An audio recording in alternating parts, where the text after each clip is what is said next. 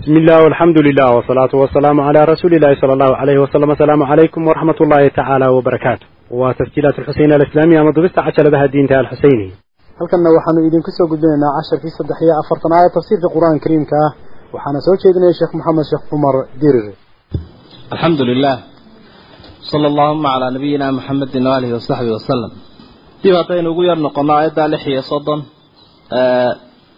dariskii xalay ka mid ahaa waxa weeyaan halkaa ilaahay uhi waqaatilu lmushrikiina kaafatan kamaa yuqaatiluunakum kaafa aimada qaarkood baa waxa ay tilmaameen ashhurulxurumka inaan la dagaalamayn. Laakiin sida raajixa laba arrimooda waaweyn baa aayadda laga faa'idaysanayaa ta hore oo ah guubaabada ilaahay ummaddan uu ku guubaabiyey jihaadka ayuu si weyn uga qanciyey marka la eego xataa caqliyan iyo mantiqa ayaa alla waxa uhi waqaatiluu lmushrikiina kaafa kamaa yuqaatiluunakum kaafa. Dhammaantiin la dagaalama. Siday dhammaantood idinla wada dagaalamayaan.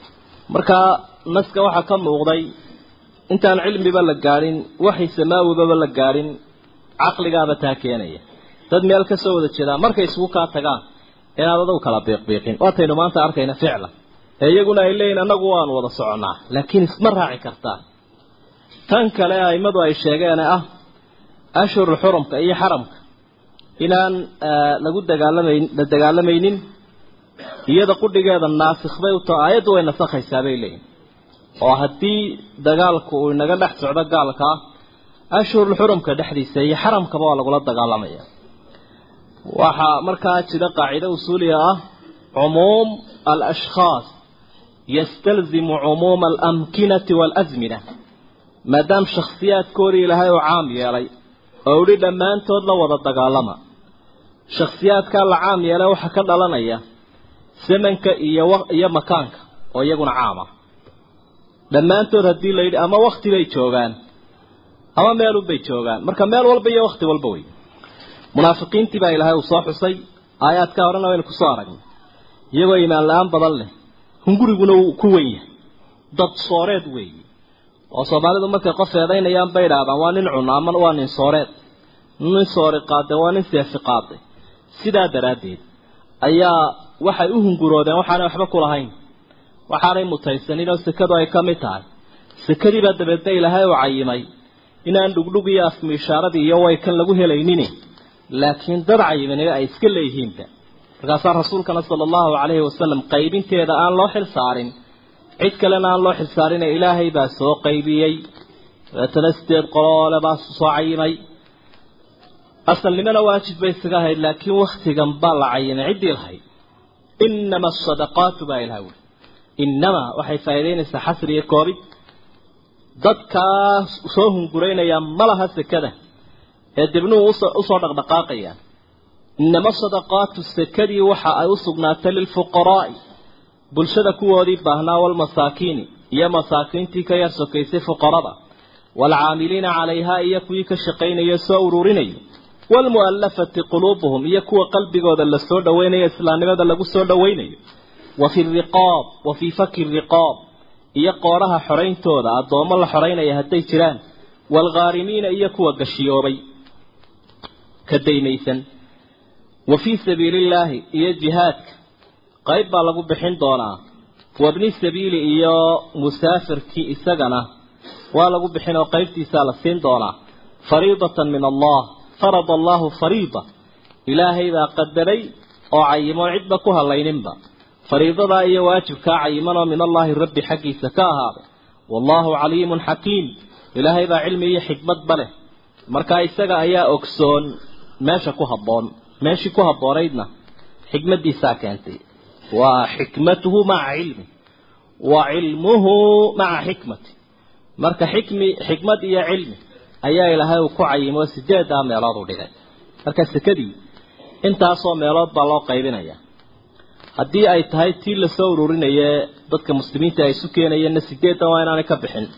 Haddii qofka isagu sekada bixinaya ee musakiga ama maalqabeenka ahna uu bixinayo dee cid loo dhiibaynina waa in sideedan meelood lagu bixiyaa. Haddii sideedu aanay wada joogin kolba inta joogta ayaa lagu bixinaya oo la siinaya.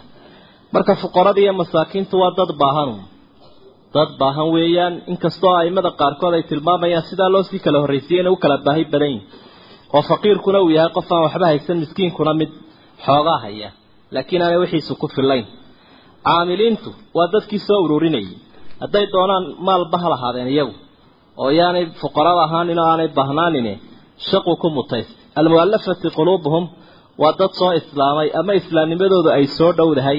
Safwaan ibnu umaya wuxuu leeyay nabigu calayhi salaatu wasalaam xooluu isiiyey oo uu isiiyey oo uu isiiyey wakhtiguu isiinayay dad oo dhan waan ugu nabcaabuy laakiin markii uu dhowr jeer igu celceliyey waxa aan noqday dad oo dhan ka aan ugu jeclahay buu nabigu noqday calayhi salaatu wasalaam marka hay'adaheenna samafalka ayaa qayb loo dhiibayaa isla markaana gaalada wixii rajo laga qaba inay soo islaamaan baa la siinaya.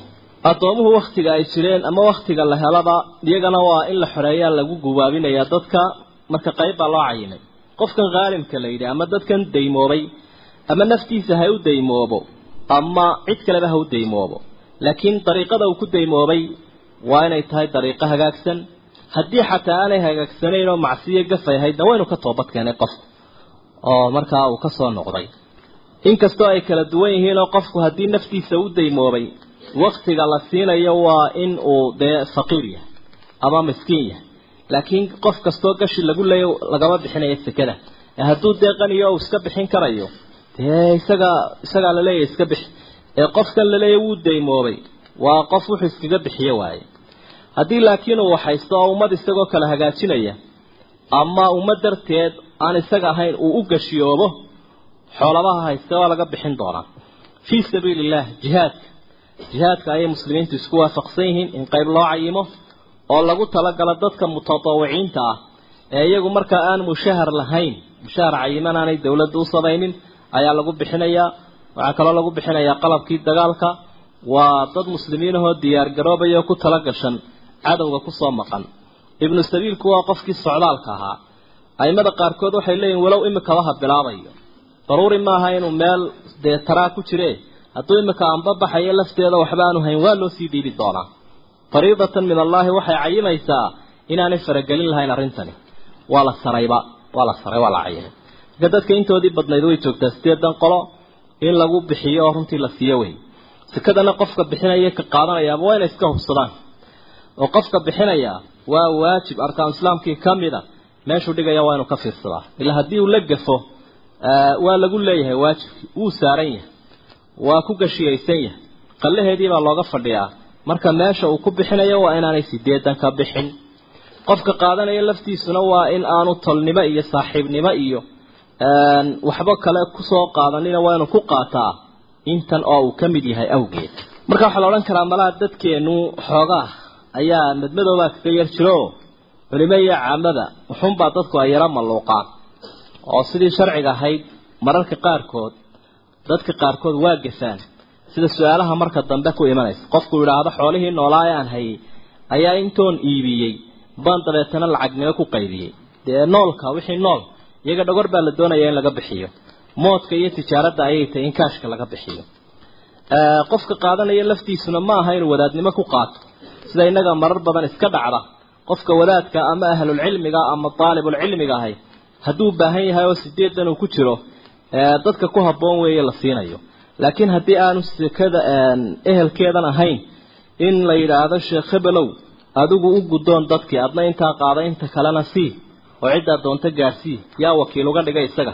Imaa inuu dee xukuumad ka socdo iyo maamulkii ururinaya dadka muslimiinta udhexeeyey wa imaa in sideedan qolo kii la siinaya uu soo wakiisho.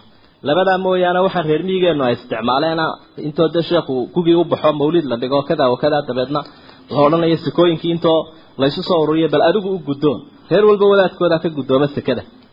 Ka guddoon baa la leeyahy sekadii reerku waa taa. Marka wuu guddoomayaa mijintuu qabanayaa intuu doonana wuu meelaynaya intuu doonana dadku doonuu siinaya. Markaa qofkii haddii uu ka mid yahay waa sax laakiin haddii aanu ka mid ahayn maya isagana xaaraan bay ku tahay kana kamay bixin. Marka taa laga fiirsado. Waktigeedana la bixiyey sekada. Oo siduu qofku u sii meeraysanayo ama maan xisaabinin haddii uu dhaafiyo waktigeeda dhibkeeday leedahay. Oo waxaa jira waqtu lwujuub waa wujuub ladaa gooray waajibaysa iyo goor bixinteeda ay farad tahay baa jira. Goortay waajibaysaa marka labayo tobanka bilood soo wareegaan laakiin waktiga dhiibideedu ay waajibka tahay waa mar hadduu awoodi karayo maalkii uu gacanta ku hayo waa inaanu dhaafin. Salaada waktigeeda la tukadaa raad weyn bay ku leedahay. Sakadani sideedan qolo oo atharu zakati fi xayaat aw fi nafsi lmuzaki wa fi nafsi aakhir. Ka qaadanaya iyo ka bixinaya iyo bulshada laftigeeda raad weyn bay ku leedahay runtii. Oo qofkan aakhirka ah ee sakadii qaadanaya raadka ay ku leedahay waxa weeye wuxuu dareemayaa bulshadan islaamka ah ee uu ku dhex nool yahay xoolahooda inuu wax ku leeyahay markaa haddii ay difaac noqoto dhankiisuu taagan yahay oo waa difaacaya. Hadday duco noqotona waa la diyaar oo haddii abaari ku kacdiyo haddii inkaar kale timaadaba sida ka xoolaha li u warwaraya ayuu isaguna uga warwaraya. Leanna waxbuu ku leeyahay oo labaiyo tobanka bilood iyo xawlku inay dhammaadaan buu sugaya. Sidoo kale raadka kale ku leedahay waxa weeyaan nafta bani aadamka waxaa iskaga abuuran cidda wax siisa inay jeclaato. Haddii laakiin aan waxba la isa siinin oo wax la hayo waa la iskarahiyeystaa waana la ishiifaa idan markaa bulshada runtii maxabo badan iyo kalgacal iyo xidhiidh bay ku abuuraysaa. Ficlan dee waxa ka sii horreeya waxtarna way tahay. Oo qofkii aan waxba hayna dadkan ka mid a dee waxtar weyn bay utoo kaalin buuxis ayay u noqonaysaa iyadoo weliba wax buuran la siinayo uu ku shaqaysto qof. Qofkan kale isaga markaa bixinaya mucdiga ama musakigaana raad weyn bay isna ku leedahay. Markeeda u horeysa waxay u layliyeysaa waxay u layliyeysaa waxbixinta oo markuu faralka bixiyo bixiyo ula qabsado sunnahana wuu ku dari doonaa. Walow baqiil baa adee loo aftax. Markaa wuu dhiibi doonaa wuu quuri doonaa. Raadka kale ay ku leedahay waxa weeyaan yatakhalaq biakhlaaq illah ilahay akhlaaqdiisa ayuu ku dayanayaa. Lan takhaluqu biakhlaaq illahi bay ahayd maadaamuu yastagni can ilmaal maalkii uu ka maarmayo oo uu quurayo oo si wanaagsan uu dhiibayo. Marka cumuuman xigmado iyo aathaar badan ayaa ku jira oo fardigiiyo mujtamacaba ay ku reebayso waana dakhli aada iyo aada muhiima oo dadka muslimiinta ay leeyihiin oo la odhan karo malaha. Halka markay si fiican u bixiyaan dowladduna si wanaagsan u qaado iyadoo dee ficlan meelaheedii marinaysa oo lagu aaminayo waxa uu ka kaafila cashuurta maanta lagu dhololayo. Cashuurta in badan lagu dhololayo ee meelay martana aan la garanaynin dadkana qasabka ku ah halkeeda waxa ugu jira dadka muslimiinta sekada. Iyadoo weliba dheeraadka ay ka leedahay ay tahay cashuurta waxaa la laga qaadaa un qofku macaashka uu helo iyo faa'iidada uu soo saaro. Laakiin raasumaalkii baa la sakaynaya oo faa'iide iyo raasumaalba waa laga qaadaa sekada idan markaa intaasoo jeer bay ka badan tahay boqolkiiba sagaashan ama shan iyo sagaashan bay ka badan tahay sekadu cashuurta markasaa loo eego. Alla waxa uu ka warramay munaafiqiintii oo wuxu uhi wa waxaa ka mid a aladiina yuuduuna annabiy. Kuwa nebiga dhibaya. Wayaquuluuna odhanaya huwa udunun isagu waa dheg dhegaysta wey wax walba uu dhegaysan qul waxaad tidhaahdaa udunu khayrin lakum. Dhegayste wanaagsan buu idin yahay. Yu'minu billaah ilaahay buu rumaynaya. Wa yu'minu lilmu'miniin dadkaa la rumeeyeyna waa u rumaynayaa waxa ay u sheegaan. Waraxmatun naxariis buu u yahay nebi moxamed liladiina aamanuu minkum dadka mu'miniinta ah idinka mid ah. Waaladiina yuuduuna rasuula allah kuwa rasuulka ilaahay dhibaya. Qowl iyo ficil mid kastaba ha ku dhibeen. Lahum cadaabun aliim cadaab kulul bay leeyihiin oo ilaahay u yaboohay aayadda sababteeda waxaa niman munaafiqiinta ka mid ahaa ayaa wada hadlay waxay yidhahan war maxamed waa innagana wax xamanaynaa waa dicaadaynaynaa dad kale waynu ku diraynaa ma ka daynaa. Waa intoo sirteenna la fashiliyaa wixii inagu soo waxi uu inagu soo degaa. Dabeedna waa kuwo kalea u jawaabay oo waxay idhaahdeen waar waynu u tegiyo sideenni un baynu dhaaran doonaa. Dabeednana wuu inaga rumaysan doonaa. Warkuba wuu iska kooban yihi maxay idin iskaga dhibi. Intaynu xamanaynu xumaynaynu wadno ayuun baynu u tegi doonaa waynu u cudurdaaran wallihiina waynu raacin doonaa dabeedna isaga waa dhegaysto wanaagsan. Dhegaysto wanaagsan weeye. Oo qofka udun waxaa lagu sheegaa dheg. Marka war walba uu qaato. Rasuulkuna sala allahu calayhi wasalam ilan daahirka ummadda ayuu xukumayay markay waxu sheegaan dhaartaanna. Dhaartuna waxyaabaha wax lagu suga ay ka mid ahayd. Wuu ka rumaysan jiray ilaa ilaahay uu fashilinayo kuwa. Ah marka ceebtaasoo ay lahaayeen munaafiqiintu ayaa ilaahay uu fashiliyey. Astaantaasina waxa ay runtii tahay dee insaanka ama qofka oo iska dhisaya ummad iskala eegaya oo aan ilaahay iska eegaynin. Waa ceebta munaafiqu uu leeyahy macnaha waxaa ka maqan shayga loo yaqaano almuraaqaba in uu ilaahay la xidho oo addoonku in badan ilaahay uu ku xidhnaaduu iska eego. Yaxlifuuna billaahi lakum. Ilaahay bay idinku dhaaranayaan liyurduukum si ay idiin raalligeliyaan wallaahu warasuuluh ilaahay iyo rasuulkiisa ayaa axaqu ku habboon an yurduuhu inay raali geliyaan ilaahay. In kaanuu mu'miniina hadday alla rumaysan yihiin dhaartaasay idinku raali gelinayaan. Laakiin ilaah ilaahay inay raali geliyaan oo intay makhluuq isku dayayaan inay ilaahay raali geliyaan taasaa ku habboon. Wallaahu warasuuluhu waa la cadfay axaqu an yurduuhumaa lama odhanin. Laakiin axaqu an yurduuh damiirku waa mufrad. Ilaahay buu noqonayaa. Waayo way isku dayeen sida dadka muuminiinta ay dhaar ugu raaligelinayaan rasuulkaba inay ugu raaligeliyaan raaligelinta ilaahay baanay laakiin eegin. Insaanku intuu iska dhisayo ummadda ilahay inuu iska dhiso wey alam yaclamuu buu ilahay yihi munaafiqiintu miyaanay ogeyn annahu arrinkuunu yahay man yuxaadid illaaha warasuulah ilaahay iyo rasuulkiisa cidda khilaafta ee baalmarta muxaadaadka iyo mushaaqaadkiiyo waa khilaafka. Ee aan ka kala qaadan inaan ka dambaynin fa ana lahu waxa u sugnaaday naara jahannama. Naarta jahannamo la yidhaahdu mutaystay qofkaas. Khaalidan fiihaa wuu ku waari. Dalika alkhizyu alcadiim kaasina waa dulli weyn. Qofka dulli ku dhaca kaasaa ugu weynoo waa midaanu ka soo kaban doonin. Marka ilaahay iyo rasuulka oo qofku adeeco waxa ay ka yeelaysaa inuu awliyada ilaahay ku biiro. Waman yutic illaaha warasuul fa ulaa'ika maca aladiina ancama allahu calayhim min alnabiyiina waasidiiqiina waashuhadaai wasaalixiin waxasuna ulaa'ika rafiiqaa. Cidda ilaahay iyo rasuulka khilaaftana faana lahu naara jahannama khaalidan fiiha dalika alkhizyu alcadiim طاعة النبي محمد لا أطيع عيانا وإلهي أطيع عدي سويان طاعة لقو شيئانا وحوي قفك انتو إفكا شوغو ومكلف أوجب الله عليه التكاليف الشرعية وحيابا واجبادا لقو امتحانا يولا صاري maxaa la amray maxaa loo diiday maxaa waajiba maxaa sunnaa tijaabadaasuu ku jiraa marka taasoo sideeda u raaco loo faray ayaa daacadiya yaxdaru lmunaafiquuna buu ilahay yidhi nimanka munaafiqiintii waxay ka feejigan yihiin an yunaza an tunazala calayhim suura in suurad lagu soo dejiyo tunabi'uhum u warramaysa bimaa fii quluubihim qalbiyaashooda waxa ku jira fashilinaysa qul waxaad tidhaahdaa istahzi-uu iska dheeldheela dheeldheelkiina iska wada ina allaha ilaahay mukhrijun waxa uu soo saari doonaa maa taxdaruuna waxa aa ka feejigantihiina ka warwarsan tihiin ayuu debadda soo dhigi doonaa qisada dee hore aynu u soo tilmaannay hadalla inay isweydiinayeen oo qaarkood markay ka yaabeen halka ay gaarsiiyeen xumaantii iyo xantii ayaa dabeedna ay lahayn war armu qur'aan nagu soo degaa armu qur'aan nagu soo degaa marka taasi waa mid ay ka cabsanayaan baa ilahay way ka warwarsan yihiin yaxsabuuna kula sayxatin calayhim hum alcaduw faxdarhum qaatalahum allahu annaa yu'fakuun. Fii suurati almunaafiqiin. Haddii qayla soo yeedho qur'aan baa soo dego qabqabtaay baa la leeyahay odhanaya. Dabeetana waa kuwa hareeraha eegae cabsaday marka saas laakiin qofka mu'minka ah idmi'naan buu leeyahay. Waayo ilaahay rasuulkii adeecaya kolkaa kalsooni buu qabaa isagu warwariyo. Iyo cabsi iyo dabaka warwarmahayaan tunabihum bimaa fii quluubihim. Qalbigoodii iyo daahirkii baa iskhilaafsan. War qalbiga waxa ku jira armaa dadka. La ogeysiiyaa bay ka fikirayaan aladiina aamanuu watadmainu quluubuhum bidikri illaah alaa bidikri illaahi tadmainu lquluub alam yani liladiina aamanuu an takhshaca quluubuhum lidikri illaahi wamaa nazala min alxaq saasaa ilaahay u kala qaaday oo kuwani hadday saa u shakisan yihiin oo hareeraha ay eegayaan dadka ilaahay rumeeyey aada bay u degan yihiin aada bay u xasilooyin rabbigooda iyo rasuulkooda waa aaminsan yihiin walain sa'altahum haddaad nebi maxamedoo weydiiso layaquulunna waxay ka odhan doonaan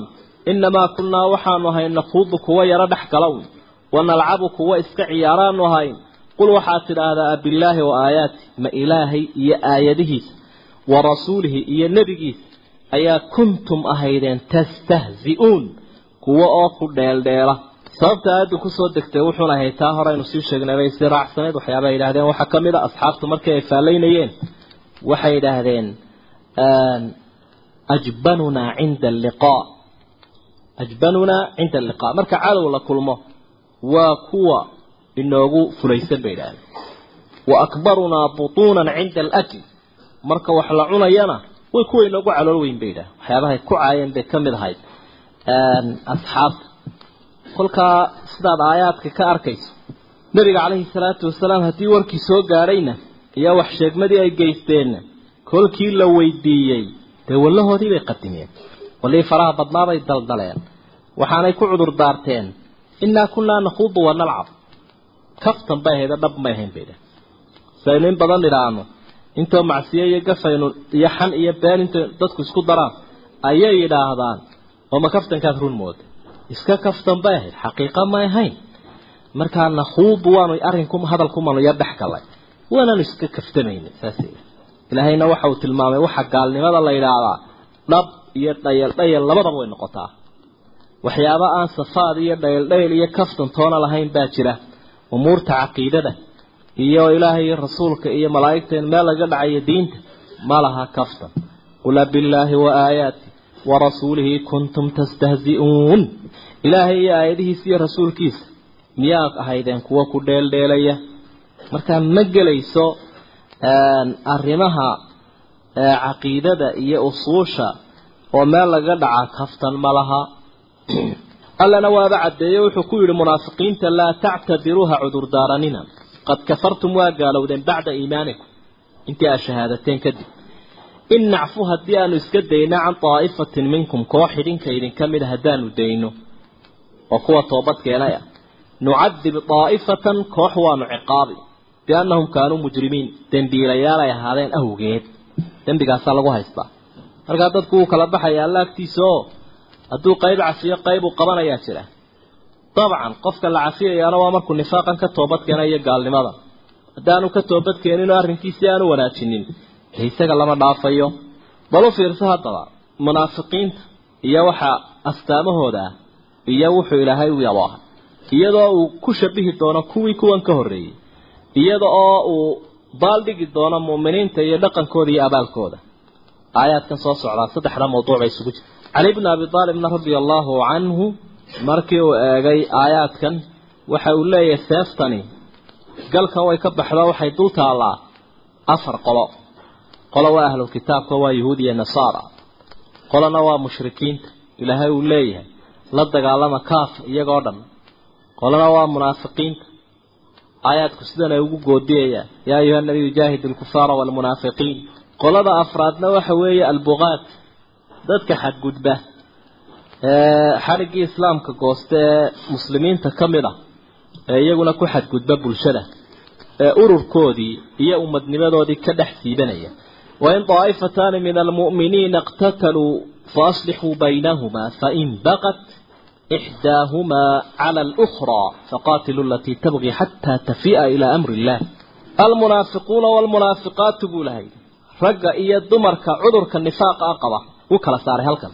Laguma daynin walmunaafiquuna laakiin camalka san iyo camalka xun way ku siman yihiin.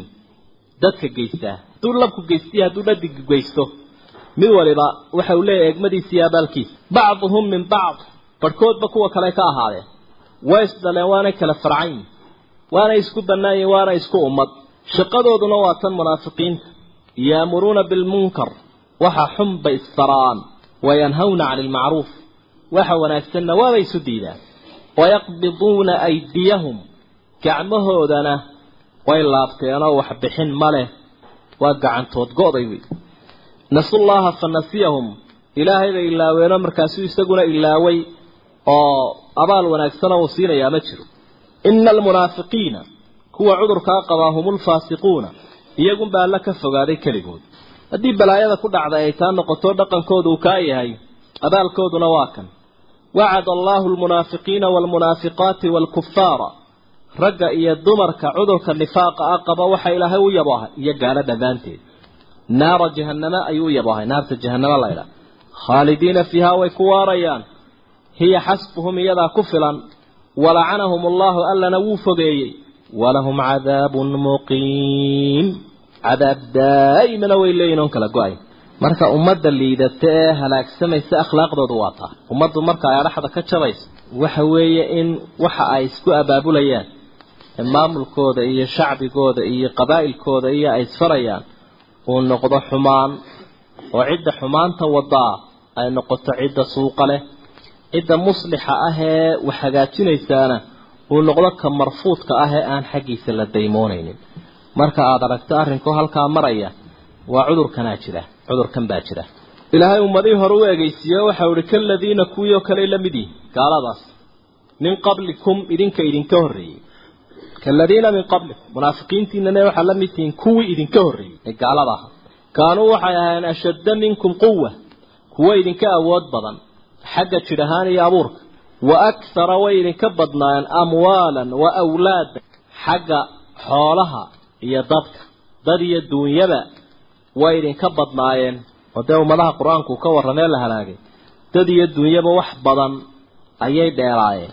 Idan markaa waxaa nasku uu tilmaamaya ummadda oo adduun badan iyo awood badan yeelataa ase aan iimaan lahayn inay wax ifsaadiso. Wey adduunka badan iyo awoodda badan ee aan iimaan wehelin waxa ay keentaa inay wax ibaadiso oo ay wax baabi'iso.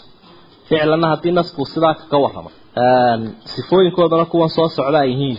Kuwa maantana waa noociin kuwa maanta caalamkii warwarka ku abuuray iyo cabsida iyo kibirka ee dhan walba u riday ee qaanuunka ay ku soconayaan uu yahay qaanuunulghaada nidaamka kaynta ee bahaluhu ay ku wada nool yihiin.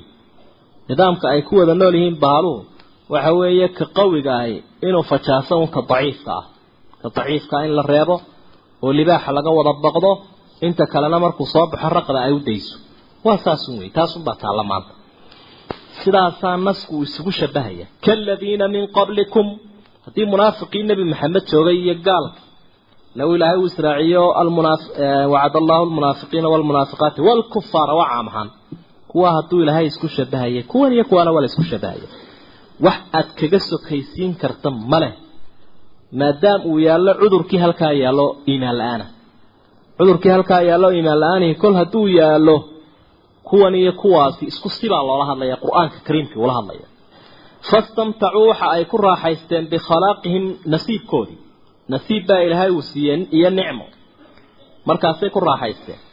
Fastamtactum bikhalaqikum idinkiinan kufaarta imika joogaana. Dheeftii ilaahay uu idin siiye waa ku raaxaysateen. Kama stamtaca siday ugu raaxaysteen aladiina min qablikum kuwii idinka horreeyeyba bikhalaaqihim dheeftoodii dheef baa iyagana ummadaha hore la siiyey. Iyo nicmo. Dabeetana way ku raaxaysteen. Waxa ay sheegaysaa waa tamatuc oo aan shukri lahayn. Ilaan tamatuc iyo raaxaysi nicmada ilaahay addoonku isagoo qirsana ugu mahadnaqaya uu ku raaxaysto laguma eedaynayo. Laakiin waxa weeye tani eedda iyo aafada lihi waa mid iimaan la'aani ay weheliso iyo shukri la'aan. Wakhudtum ummad yahay waxaa dhex dabbaalateen buu lahay. Kaaladii khaaduu ummaddaa hore wixii ay dhex galeen ay ku halaagsameen waa run wey markaad qisaska qur'aanka akhrido halkii ummadahaasi laga raacay ee ay ka qodax qaateen tii unbaa taalla maanta. Xoog xoog. Iyo cadaalad darro. Iyo dad badan iyo dunyo badan iyo farsamo casriya oo dadka loogu faano. Adiga arkayo kuwa carruurta yaryar iyo agoonta carruurta iyo maatida laynaya ee daaraha duminaya. Halkudhigyada ay mar walba iclaam ka sii daynayaan waxa weeye cadalaadka iyagaan waa kuwa taqaariirta iyo iclaamka saa ku warbixinaya. Warbixinooda rasmiga ah ee ka soo baxaya wasaaradahooda waaweyn iyo dowladahooda waxa ay leeyihiin waxa aanu dadka tusaynaa inaan xoog leenahay. Waa qaanuun lghaaba waa nidaamkii kaynta wey markaa ilaahay waxau ihi wakhudtum kaladii khaaduu. Ulaaika buu ilahay yihi kuwa noocaasa xabidat acmaaluhum fi dunya waalaakhira adduuniya aakhiraba camal ma leh wuu buray camalkooda. Wahum wa ulaaika hum alkhaasiruun kuwaasi waa kuwa guuldaraysta haddaba ilaahay isaga oo ummadda u jeedinaya baaq ay u dhan yihiin kuwoodii hore iyo kuwooda dambe ayaa waxau ihi alam yatihim? Canaananayana alam yatihim? Miyaanu u imanin. Naba-u ladiina min qablihim kuwii kuwan ka horreeyey warkoodii. Qawmi nuux wa caad. Nuux qoladiisii iyo reer caad. Wa hamuuda iyo qoladii reer hamuud la odhan jiray wa caadin wa hamuud wa qawmi ibraahim iyo nebi ibraahim qoladiisi wa asxaabi madyana. Iyo qoladii madyan degi jirtay ee shucayb loo diray. Waalmu'tafikaat naba-u lmu'tafikaat tii la afgembiyey ee la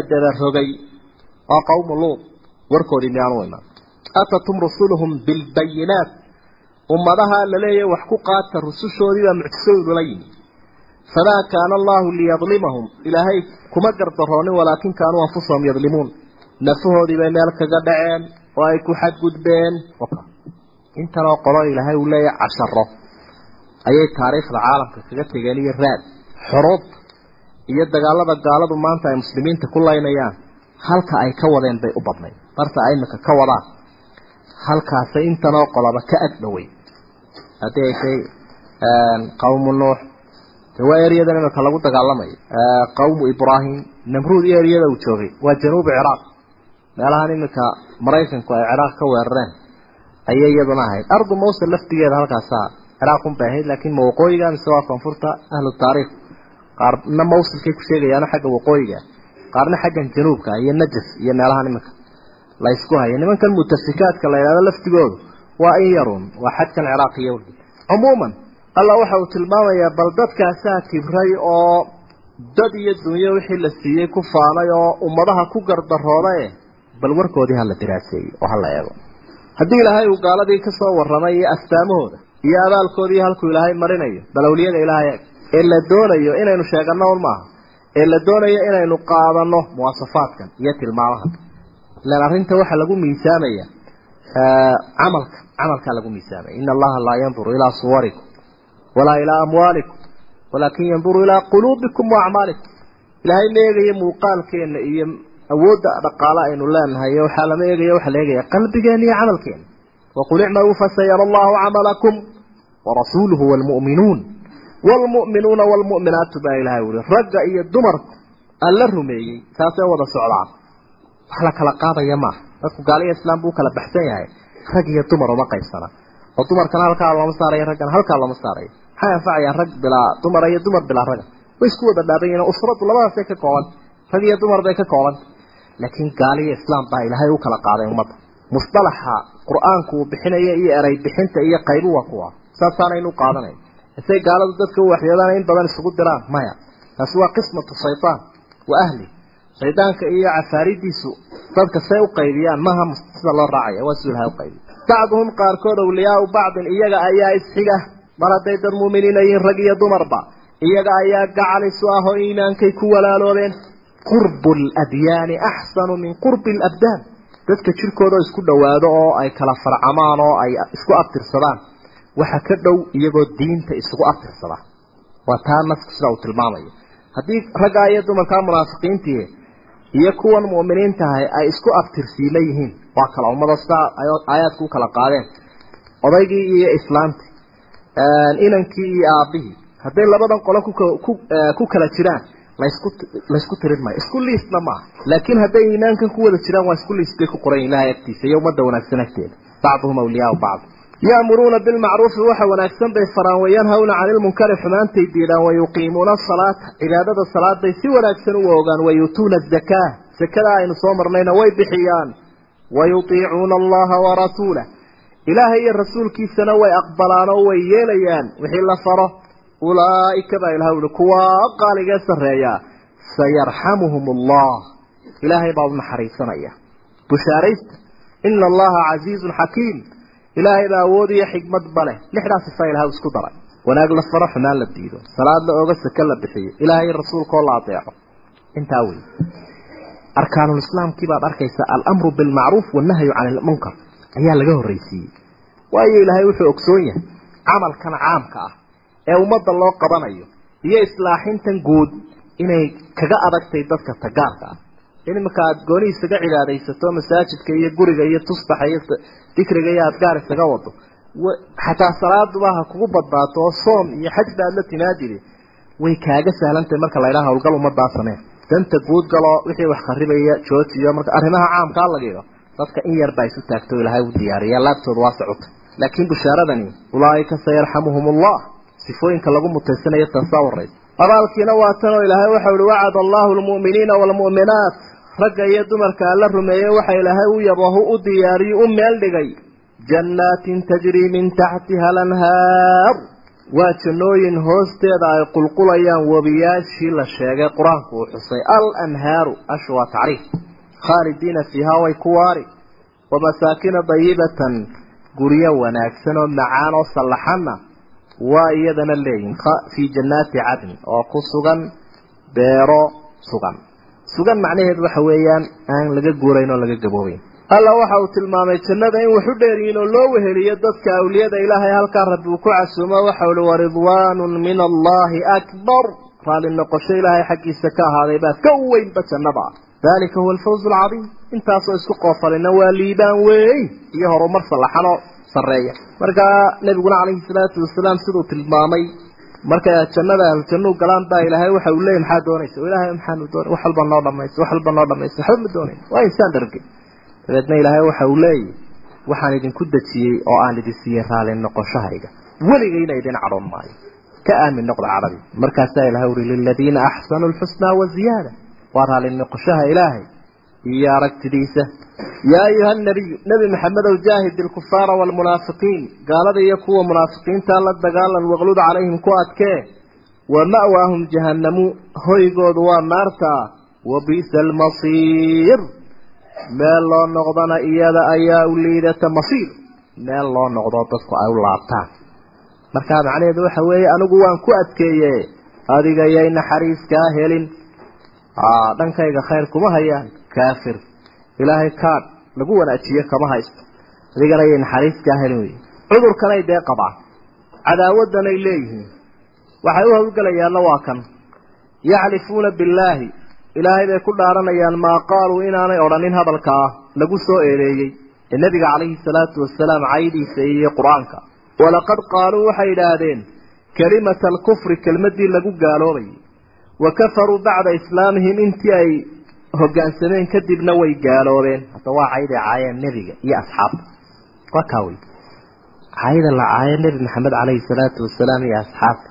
Sidaasaa qur'aanku u caddeeyey in loogu gaaloobay. Hadduu laydhaha qofku waa gaaloobayna wax sahlan mahay axkaam baa ka ratib ay ka mid tahay marka ugu horeysaba tii ay wada joogeen isku qoyska ahaayeen inay ka furmayso.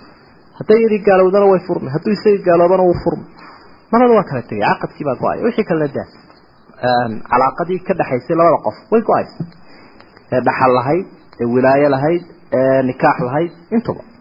Kalimat alkufr waa cayda aynu ka soo warramayna nebiga calayhi salaatu wasalaam iyo asxaabtiisa ay u geysteen iyo islaamka. Wahamuu waxay dooneen bimaa lam yanaaluu waxaanay gaari karayn oonay hawaysanayn oo ah nebiga dilkiisa. Sagaal qofba ama dhowr iyo toban qof ayaa isku dayay intay awr ku soo eriye nebiga. Awrtaa naga diday inay idhaahdaan markii safarka lagu jiray. Meel garba-a ay ka tuuraan meel garba-a isagoo nebigu ka tallaabaya ayay dabeetana awrtii soo baceeyeen ay soo didiyeen.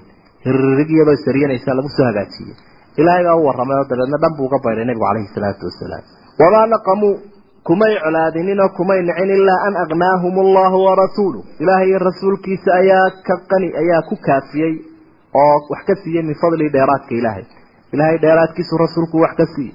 Ilaahayna waa siiyey. Wixii la siiyey dad iyo dunyo way uga dareenba shukri ma jiro. Alla uu wuxuu u tilmaamay inay fursad haystaan oo wuxuu ihi fain yatuubuu yaku khayran lahum. Hadday ilaahay u soo noqdaan fursad bay u tahay. Yaku waxa uu noqon doonaa ficilkaa tawbadda ahi. Soo noqodkaasi khayran lahum uu wanaagsan yihi xalka keliya waa ka. Addoon dembaabay xalkiisu waa ka. Wain yatawallow haddii ay sii jeedsadaan yucadibhum allahu cadaaban aliiman. Cadaab kulul baa ilaahay u cadaabi doonaa fi dunya waalaakhira adduun iyo aakhirada wamaa lahum uma sugnaanin fi lard dhulka dhexdiisa min waliyin walaa nasiir. Weli ma leh. Haddii balaaya timaado wax ka hor joogsada. Nasiirna ma leh. Wax markaa ku guntado oo ka daba taga ciddii wax u geysata wa minhum wa minhum wa minhum baynu markaa ku jirnay munaafiqiintii siduu ilaahay u fadeexadaynayo wa minhum waxaa ka mida buu ilaahay man caahada allaha mid ilaahay u ballan qaaday. Isaga oo le lain aataanaa min fadlihi ilaahay dheeraadkiisa hadduu na siiyo oo uu duunyo siiyo lanasadaqanna waxbaanu ka bixin doonaa walanakuunanna min asaalixiin kuwa wan wanaagsana deeqda ku fiicnaadana waanu noqon doonaa. Ilaahay hadduu deeqna siiyo wala cidina inaan naga deeq badanayn. Dabeetana dadka wanaagsan baanu noqon. Qaar ballantaa qaadaa munaafiqiinta ka mida buu ilahay falamaa aataahum min fadlihi ilaahay dheeraadkiisii markuu wax ka siiyey bakiluu bihi way ku adeygeen watawallow way sii jeedsadeen wahum mucriduun iyagoo afka sii maroorinaya labadanoo la israaciye waxa weeye macnahooduna ma soo jeedo muuqaalkooduna ma soo jeedo macnaha jir ahaan way u dhaqaaqeen hami ahaanna kuma jirto inay soo laabtaan horay bay ka dhaqaajiyeen fa acqabahum ilaahay wuxuu ku dambaysiiyey oo cidhibtoodii uu ka dhigay nifaaqan fii quluubihim munaafiqnimo qalbigooda yuururta natiijadii arrintoodu waxay noqotoo loo dambaysiiyey acqabahum wuxuu cidhib uga dhigay waxay dhaxal u heleen munaafiqnimo qalbigooda ahaatay ilaa yawmi yalqawnahu ilaa maalinka ilaahay la kulmayaan. Munaafiqnimay qaadeen markaasay ku noolaan markaasay ku dhiman ilaa ilaahay kula kulmaan. Bimaa akhlafuu bimaa akhlafu allaha kaga bixidbii ilaahay ay kaga baxeen awgeed maa wacaduuhu wixii ay u ballan qaadeen. Wa bimaa kaanuu yakdibuun iyo beentii ay beeniyeen xaqa awgeed ilaahay bay ballan u qaadeen oo ahayd haddaad waxna siiso waxbaanu bixin way ka baxeen oo munaafiqa wuu beeniyey ilaahay iyo rasuulkii iyo qur'aankii iyo ballanqaadkii aakhirada. Labadaasaa sabab u ah in balaadaasi ay ku dhacdo. Alam yaclamuu buu ilahay yidhi miyaanay ogeyn munaafiqiintu ana allaha ilaahay yaclamu sirahum wa najwaahum inuu ogaanayo waxa ay siraysanayaan iyo waxay ku faqayaan. Marka sirtuna waa waxa qofka qalbigiisa ku jira annajwa faquna waa shayga lala xashashaqayo isaga iyo dhowr qof oo koobani ay intay jugisa siiyaan aysa saaraan ay isku odhanayaan miyaanay taa ogeyn wa ana allaha callaamu lguyuub waxa maqan inuu ilaahay aada u ogsoon yahay miyaanay ogeyn.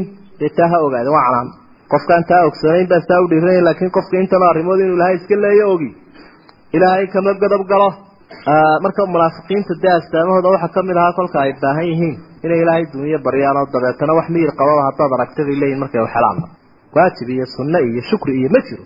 Marka qisadu ama ha sugnaato ama yay sugnaanine waxay sheegaan shay laga odhan karo malaha astaan buu yahay munaafiqiinta. Nin la odhan jiray saclaba ibn abi xaab oo saxaabigii mashhuurkaa nin aan ahayna waa nin munaafiqiinta ka mid abu ahaa.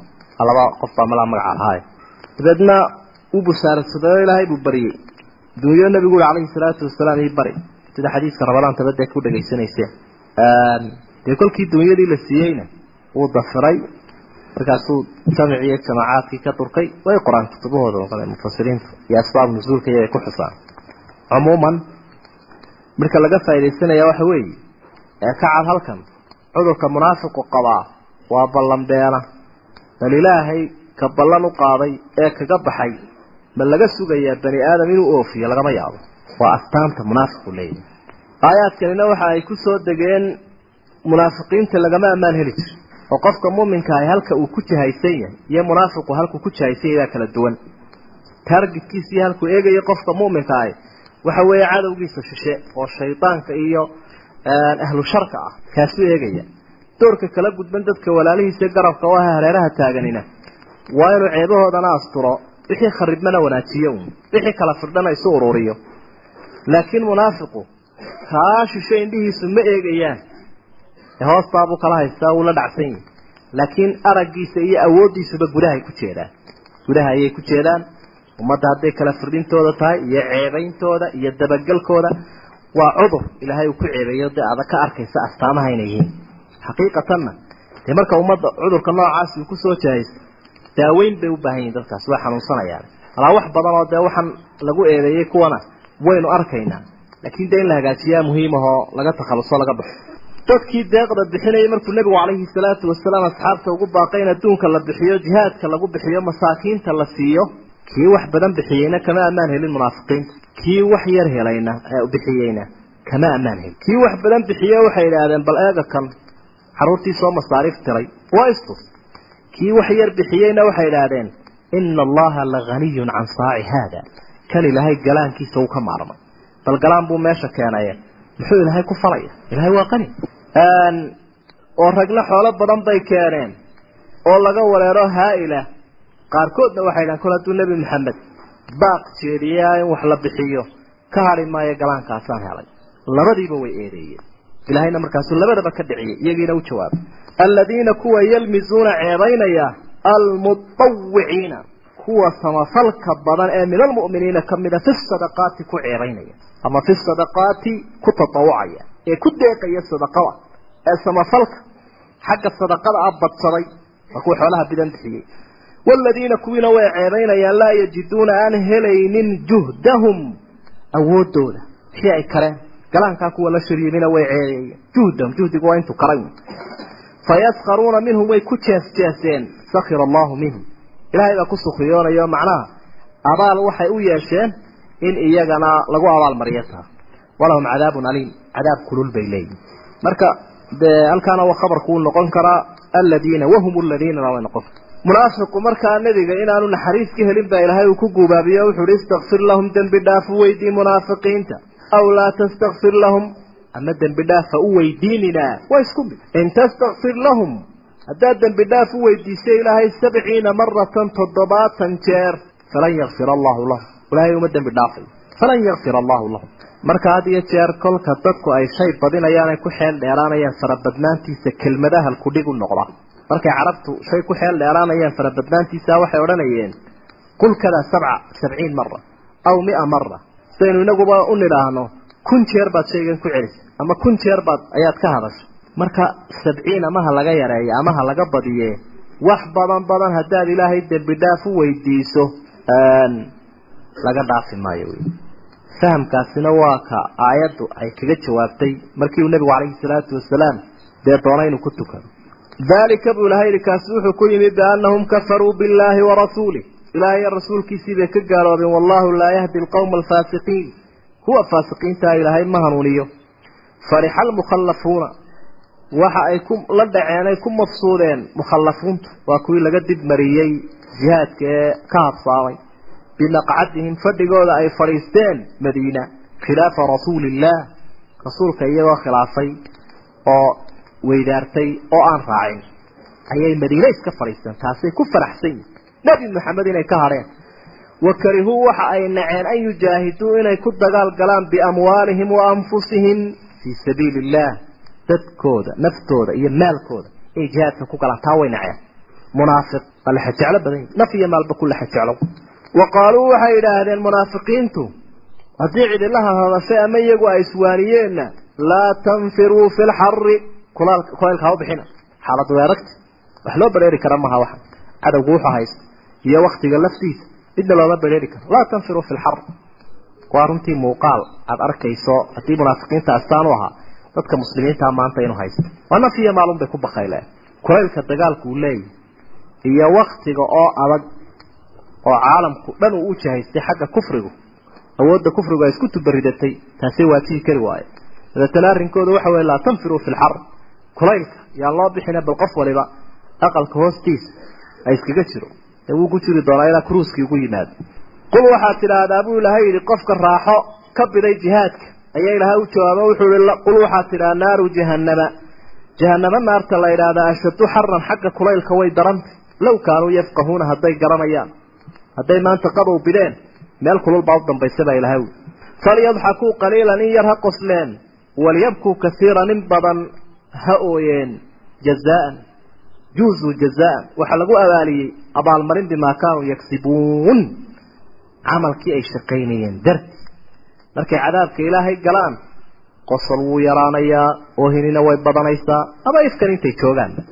Ifkan inta ay joogaan waxa la gudbani waxa weeye inay in yar qoslaan in badanna ooyaan. Nebiguna calayhi salaatu wasalaam waxaa ummadan ku lahaa markuu waaninayay waxaan arkay haddaa arki lahaydeen la daxiktum qaliilan wala bakaytum kaiira wale waxaa dambeeya dah laydinka qaadin haddaa arki lahaydeen qosol wuu yaraan lahaa oohintuna way badan lahayd. Ilaahay wuxuu ihi fain rajacaka allahu rabbi hadduu kuu soo celiyo ilaa daa'ifatin minhum koox munaafiqiinta ka mida fasta'danuuka lilkhuruuji bixitaan ay kaa fasax doonaan ay yidhaahdaan berigii hore habsaana imikaba inaanu baxno noo fasax. Faqul waxaad tidhaahdaa lan takhrujuu maciya abadan weligay hayla bixina.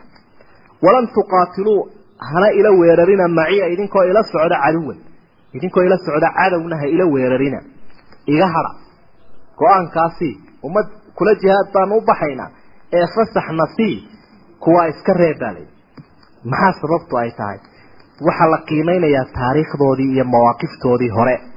Lama ilaawayo taariikh. Taariikhdu way qormaysa qofka in laga leexdo maalinta xaalad way adagtay ama qofka maalintuu awood leeyahay wixii uu hirgelin lahaa inoo hirgelin waaya ee dambena mar marka dambena isa soo suubiya ee burushiisa soo mariya. Maya taariikhdiisi baa u qoran nimankii munaafiqiintaa dabeed waxaa la yidhi inakum idinku radiitum bilqucuudi. Fadhi baa raalli ka noqoteen awala maratin kolkii u horreeyey tabuuk loo baxayay fadhi baa jeclaysateen faqcuduu maca alkhaalifiin. Dadka hadhaya la hadha na raaci maysaan annaga. Maalintii xaaladdu ay adkayd kal hore la dagaalgalayay kol haddii aad igaga baxday. Maxaan kugu aaminaa maanta? Shalay haddaad ishiyaamaysay waad islaba rogtay maanta in hadduu seexdo waa isagii uu soo tooso taariikhdaasaa loo dhigay alla wuxuu ihi walaa tusalli ha ku tukanin calaa axadin minhum maata abadan. Mid iyaga ka mid oo munaafiqiinta dhintay ha ku tukanin walaa taqum calaa qabrihi xabaashiisana ha istaagin. Innahum kafaruu billaahi wa rasuulih ilaahay iyo rasuulkiisii bay ka gaaloobeen wamaatuu wahum faasiquun. Iyagoo alle ka fogna way dhinteen. Walaa tucjibka waxbayay ku yaabgelinino waxba ha ku farxin. Amwaaluhum wa awlaaduhum xoolahooda iyo ubadkoodu. Inama wanaagsan hadday leeyihiin oo iimaanba leh waxba kuwaa ha u habranin ama adduunyo badan oo ay leeyihiin. Innamaa yuriidu allahu rabbi wuxuu doonayaa an yucadibahum bihaa inuu ku cadaabo xoolahaa fi dunya adduunyada. Inuu ku cadaabo ciqaab buu u yahay maalku qofka aan ilaahay rumaysnayn. Halka qofka maalka uu u yahay mu'minkaa naxariis. Watashaqa inay baxdaaba ilaahay uu doonaya anfusuhum nafahooda wahum kaafiruun iyagoo gaala ninkii munaafiqa ah cabdillaahi bn ubay ibnu saluul la odhan jiray wuxuu socdaba dee naftiiba qaba. Kullu ibna aadam ama kullu noole. Shay mid kastoo nool waa laga maarmaan in loogu yimaado. Kullu nafsin daa'iqatu lmowt dabeetana kolkii uu dhintay inankiisii cabdillaahi la odhan jiray ayaa nabiga u yimi dee wuxuu leeyahy balkani aabuun buu ii ahaaye kaalay ku tuko. Qamiiskaaga dhididkaagu marayna. Bal inuu naarta ilaahay kaga badbaadiyo. Dee u geliyo isii intiiba uu yeelay nebigu calayhi salaatu wasalaam laakiin markii uu isidhi ku tuko. Saxaabigii mulhamka ahaa ee cumar la odhan jiray cumar bnu khadaab ayaa nebiga ka joojiyey. Oo yihi ma munaafiq baad ku tukanaysa? Sawkii lagu yihi ilaahay dembi dhaafa u weydiinin. In tastakfir lahum sabciina maratan falan yakfir allahu lahum. Nebiguna nebi naxariis badan buu ahaayoo dadka dee wixii ilaahay badbaadinayo. Isagu inuu uga erga doonaa unbuu jeclaan jiray. Wuxuu walba toddobaatan jeer baa la sheegay. Haddaan doono waabaan ka badina ii kaadi. Ilaahay wuu idoor geliyeyoo istakfir lahum aw laa tastakfir lahum baa layi dee khiyaarkaasaan lahaaye ii kaadi ha aftuubin cumar cumarna markaa nebigu waa dhaafo dabeedna sidii buu maaragtay jilbaha dhigay oo wax ku akriyay oo qamiiskiisii iyo kada ninkaad ogeyda waxaad maaragtay soo maray. Ilaahay baa dabeetana ku canaantay nabiga calayhi salaatu wasalaam arrinkii cumar baa la ayiday kolkaasaa ilaahay uhi mid dhinta ha ku tukanin xabaashiisana ha istaagin. Ilaahay buu ka fogaado waa faasa waxaa halkaa caddaatay qofku hadduu gaal yahay. Agtiisa la mari maayo. Ama aabba ha u ahaado ama welad ha u ahaado maya. Waa ummad kale dadkaa kala qaadi doona. Walaa tucjibka amwaaluhum wa awlaaduhum dee weladkiisaasu tixgelinaya nebigu calayhi salaatu wasalaam ninkani ha xumaada ina wanaagsan buu dhalay moralkiisa ilaali buu lahaa. Waxba ha baa laykaa arrinku dadku waa kala duwan waidaa unzilat suuratun haddii suurad la soo dejiyo an aaminuu billaahi ilaahay rumeeya lagu soo dejiyo suuradda. Ah wajaahiduu dagaalama maca rasuulihi rasuulkana la dagaalama suurad sheegaysa. Allah la rumeeyo. Oo nebi maxamed jihaadka ha loo raaco suurad leh haddii ay soo degto istaadanaka waxa fasax ku weydiisanayo kolkiiba soo booday. Ulubawli kuwa xoolaha leh oo minhum iyaga ka mid a. Ka xoog iyo xoolaha leh inuu dad u horeeyaaba haddii la dagaal gelayo waaba ka soo qadimana u horeeyaba wa qaaluu waxay ku yidhaahdeen darnaa iska kaaya daah oo naga tag. Naku nakun waxaanu noqon doonaa maca alqaacidiin maatida fadhida alqaacidiin waa kuwa fadhiistay. Hebel wuxuu la hadhay kuwii hadhay waa ceeb wey marka kuwa hadhay uun iskala joogna bay ku odhanayaan. Natiijada hadalkooda caynkaas. Iyaguna fasaxna si ha yidhaahdeen laakiin markay dalbayaan waxa weeye maatida inay la fadhiyaan. Ulu dawli waa dadkii maalka lahaaye geli lahaa dagaalka rabuu buu ilaahay yidhi waxa ay ku raali noqdeen nimankaa waaweyne xoolaha li an yakuunuu inay noqdaan maca alkhawaalif kuwa la khaliif kuwa laga tegey. Ee markaa guryaha ku hadha ee maatida ee shaqadoodu hoyga tahay kuwaasay la fadhiyeen. Ay ku raali noqdeen wadubica waxaa la daboolay calaa quluubihim baa dam laga dhigay. Fahum laa yafqahuun. Waxba ma fahmayaan. Man yurid illaahu bihi khayra yufaqihu fi ddiin. Walaakina almunaafiqiina laa yaclamuun. Walaakina almunaafiqiina laa yafqahuun. Laa yaclamuuna laa yafqahuun. Waa fiqi la'aantu.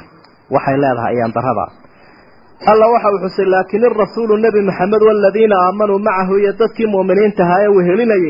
jaahaduu biamwaalihim wa anfusihim naftoodii iyo maalkoodiiba way ku dagaal galeen oo cadowbay la hortegeen. Wa ulaa'ika kuwa lahum alkhayraat waxay leeyihiin khayr qura maaha alkhayraat wax fara badan oo wanaagsan oo ifiyo aakhiraba leh. Wa ulaa'ika hum almuflixuun kuwaasaa horu maroo liibaanay acadda allahu lahum ilaahay wuxuu u diyaariyey jannaatin tajri min taxtiha alanhaaru khaalidiina fiiha.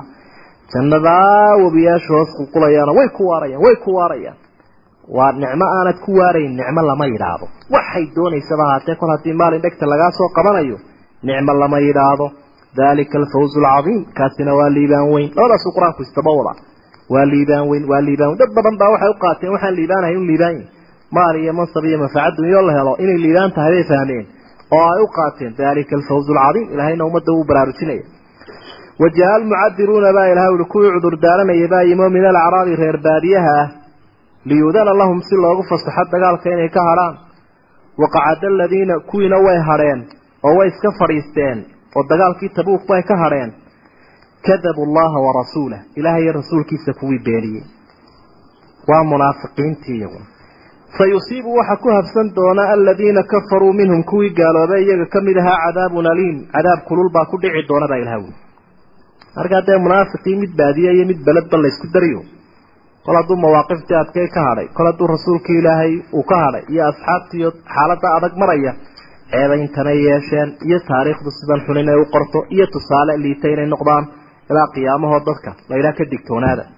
Haddaba dad iskuma jiree waxa warwaray naafadii iyo ciddii aan dagaalka tegi karaynin oo waxay idhaahdeen qofkii habsaamay haddii sida loo eedeeyey talowanagana warka iyagu waa caynkee alla wuxuu ihi laysa ma ahaanin cala ducafaa kuwii tamarta daraa si kastaba tamardaradoodu ha ahaatee iyagoo caruura iyaga oo dumara iyaga oo aan da-doodu ay weyn tahay intaba daciif qofku wuu ku noqon karaa. Walaa cala almardaa kuwii bukay dushooda. Walaa cala aladiina kuwa dushoodana ma ahaanin dembi laa yajiduuna aan helaynin maa yunfiquu waxay bixiyaan. Maa yunfiquuna waxay bixiyaan. Maa yunfiquuna.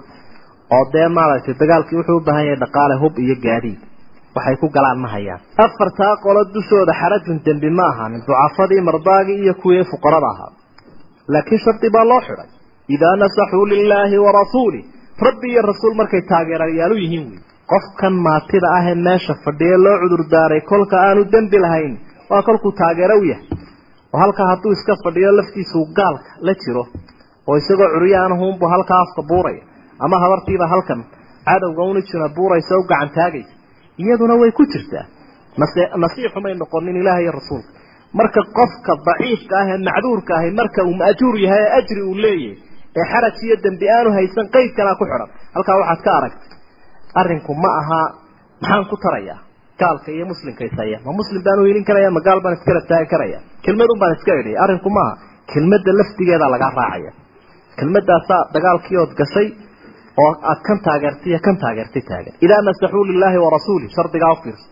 Marka ilaahay iyo rasuulka u naseexeeyaan iyo dadka muslimiintay taageerayaan yihiin wey maa cala almuxsiniina min sabiili samafalayaasha duursooda dembi ma ahaan in lagu ciqaabo wallaahu kafuurun raxiim ilaahay baa dembiga dhaafoo naxariista.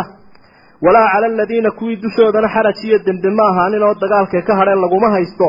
Idaa maa atowka markii ay ku yimaadeen nebi maxamedow litaxmilahum si aada u qaata aad gaadiid u siiso qulta aad ku tidhi laa ajidu heli maayo ma axmilukum calayhi. Dee gaadiidaan idinku qaado ma hayo ayaad ku tidhi saasay dagaalkii kaga hadheen tawallow sii jeedsaday. Way dhaqaajiyeen dabeetana oo way guryahoodii bay ku noqdeen wa acyunuhum indhahooduna tafiidu waxay burqanaysaa min addamci ilmo. Xasanan murugo ay ka xun yihiin awgeed iyagoo ka xun allaa yajiduu inaanay helin maa yunfiquuna waxay bixiyaan.